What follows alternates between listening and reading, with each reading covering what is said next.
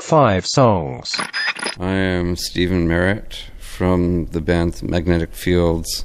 One, two, three, four, five songs. One. I'm a big fan of the United States of America, the band, not the country. two, You let it out on Sundays. In other words, I ripped off everything from Mark Almond.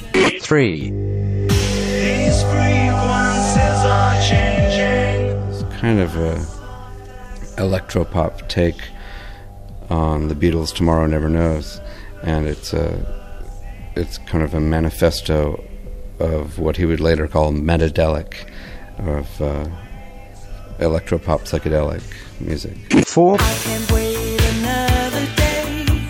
She was a one-hit wonder. Uh, th- the song is great on headphones, and it's it's great for dancing. five, I, w- I want it played at my funeral. I just think it's uh, impossibly sweet. five songs. amb Blai Mercè.